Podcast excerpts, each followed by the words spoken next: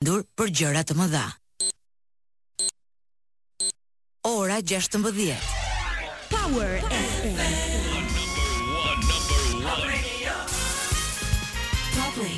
Flash në Top Albania Radio, informacionet kryesore të ditës. Përshëndetje, këto janë lajmet e orës 16:00.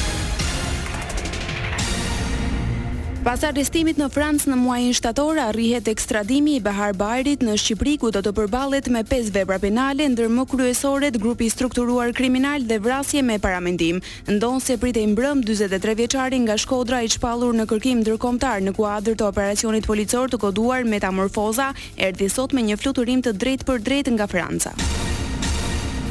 Gjykata e Posaçme e pati të pamundur të zhvillonte gjyqin në ngarkim të Dritan Rexhepit dhe të tjerëve lidhur me rrëmbimin e Jan Prengës. Në nisje të seancës, Spaku tha se me një letër rekomandim do t'i drejtohet autoriteteve turke që për gjyqin të bëjnë njoftimin e Dritan Rexhepit, i arrestuar në Turqi. Procesi nuk mund të vijojë pa e njoftuar zyrtarisht.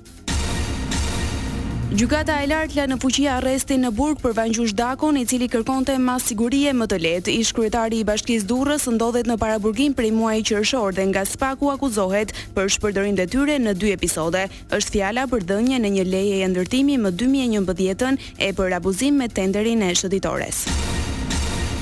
Në Malin e Zi u zbuluan tetëmbëdhjetë pako me kokainë që dyshohet se vinin nga Shqipëria. Ende nuk ka informacione mbi sasinë e saktë të drogës. Një automjet tip BMW me targa franceze i drejtuar nga një tridhjetë e katër vjeçar nga Shqipëria u veçua për kontroll të detajuar. Drejtuesi ra në pranga. Rrjetet shqiptare aktive në shtëpitë e barit në disa vende europiane, veçanërisht në Spanjë, kështu thuhet në një raport të Qendrës Europiane të Monitorimit e Varësisë nga Droga si dhe nga Europoli. Dokumenti me titull Tregu i drogës në Bashkimin Europian, Kanabisi, bazohet në të dhëna nga hetime të përbashkëta ndërkombëtare.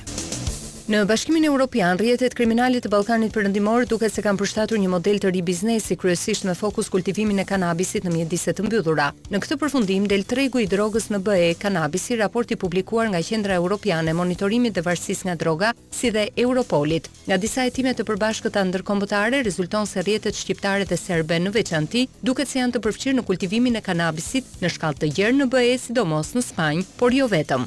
Në dokument thuhet se gjashtëdhjetë anëtarë të një rrjeti kriminal shqiptar u arrestuan në prill të dy mijë e nëntëmbëdhjetës për menaxhimin e të paktën një duzine plantacionesh kanabisi në Belgjikë dhe në veri të Francës. Ndër të tjera në raport theksohet, rrjetet belge, holandeze dhe shqiptare duket se janë aktorët kryesorë në kultivimin e kanabisit në Belgjikë. Disa faktorë mendohet se kanë kontribuar në këtë si afërsia me tregjet e konsumit, si dhe rreziqet e kostot që lidhen me trafikimin e kanabisit në Bashkimin Europian nga Ballkani Perëndimor.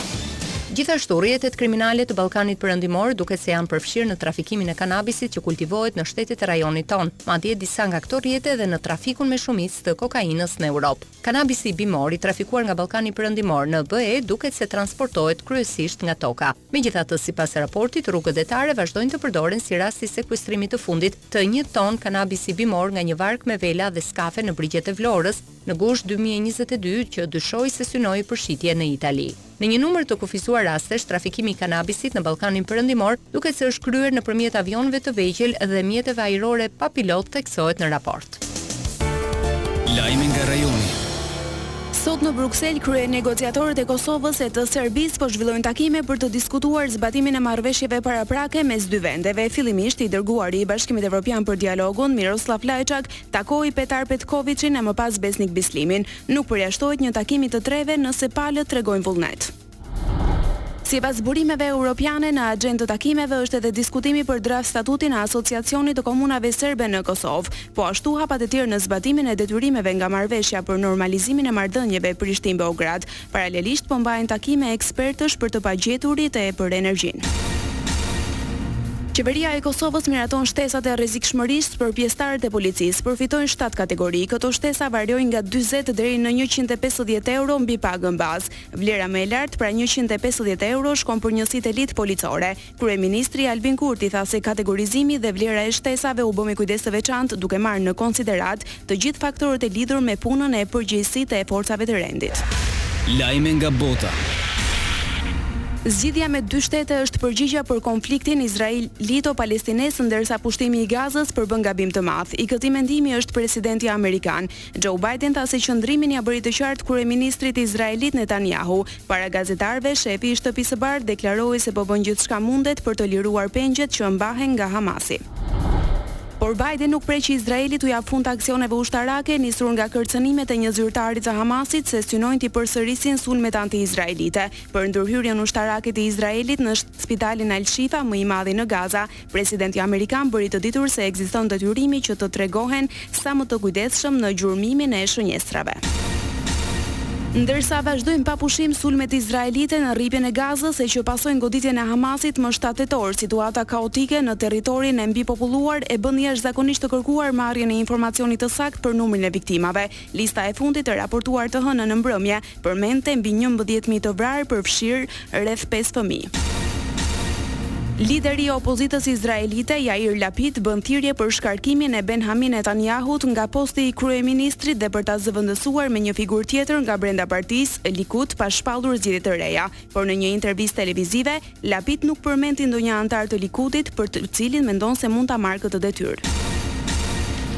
Këshilli i Sigurimit i Kombeve të Bashkuara miratoi rezolutën e parë që nga shpërthimi i luftës Izrael-Hamas më shtatë tetor. Dokumenti bën thirrje për pauza urgjente e të zgjatura humanitare në Gaza për të trajtuar krizën e civilëve palestinezë gjatë sulmeve izraelite. Në këshillin prej pesëmbëdhjetë anëtarësh, votimi ishte dymbëdhjetë pro e asnjë kundër. Amerika, Britania dhe Rusia abstenuan.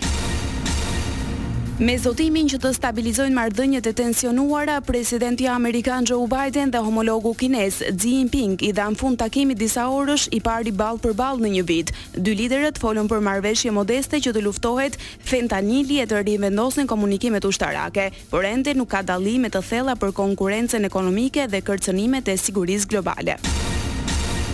Duke i dhënë fund mundësisë për mbyllje qeveritare në Amerikë deri në kohën e festave, Kongresi dha miratimin final për një paketë financimi për agjencitë federale. Kështu, ligjvënësit e shtynë për vitin tjetër debatin mbi buxhetin. Senati u mblodh mbrëmjen e djeshme për ta miratuar projektligjin dhe për ta dërguar për firmë te Presidenti Biden.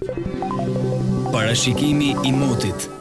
Vendi ynë do të jetë nën ndikimin e kushteve atmosferike të qëndrueshme, moti mbetet me alternime vranësirash e kthjellimesh të përqendruara në relievet kodrinore e malore. Temperaturat variojnë nga shtatë në njëzet e katër gradë celsius. Unë jam Armilda Mithasani, kjo është Top Albania Radio. Kjo është Top Albania Radio. Lajmet në internet në adresën